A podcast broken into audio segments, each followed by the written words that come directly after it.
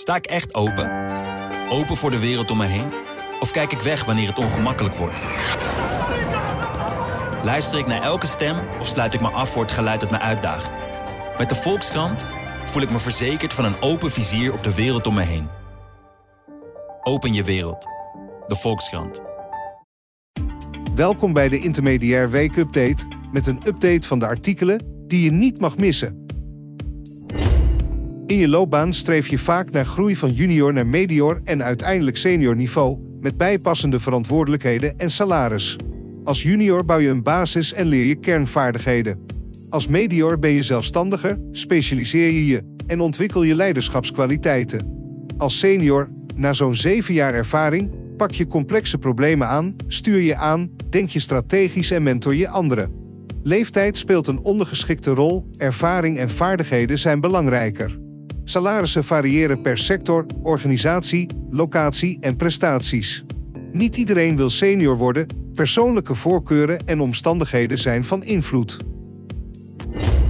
Yvonne Plaum, de directeur van de Erfgoedacademie, heeft zichzelf ontwikkeld door middel van een langdurig leiderschapsprogramma bij trainingsinstituut De Baak.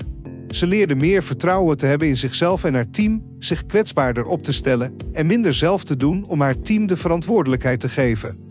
Dit heeft niet alleen haar eigen functioneren verbeterd, maar ook dat van haar team en de organisatie.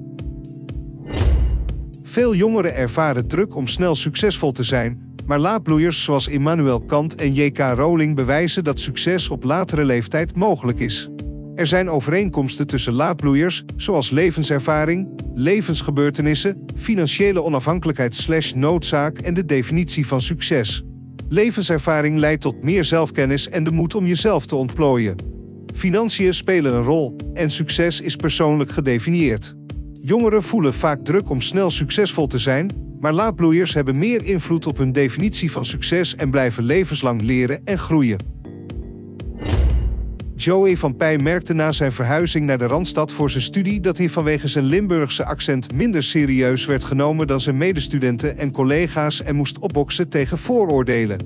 Voor zijn afstudeerproject aan de Hogeschool van Amsterdam maakte hij een podcast Succes met een zachte G, waarin hij sprak met Limburgers die in de Randstad werken en met HR-managers over carrière maken met een accent.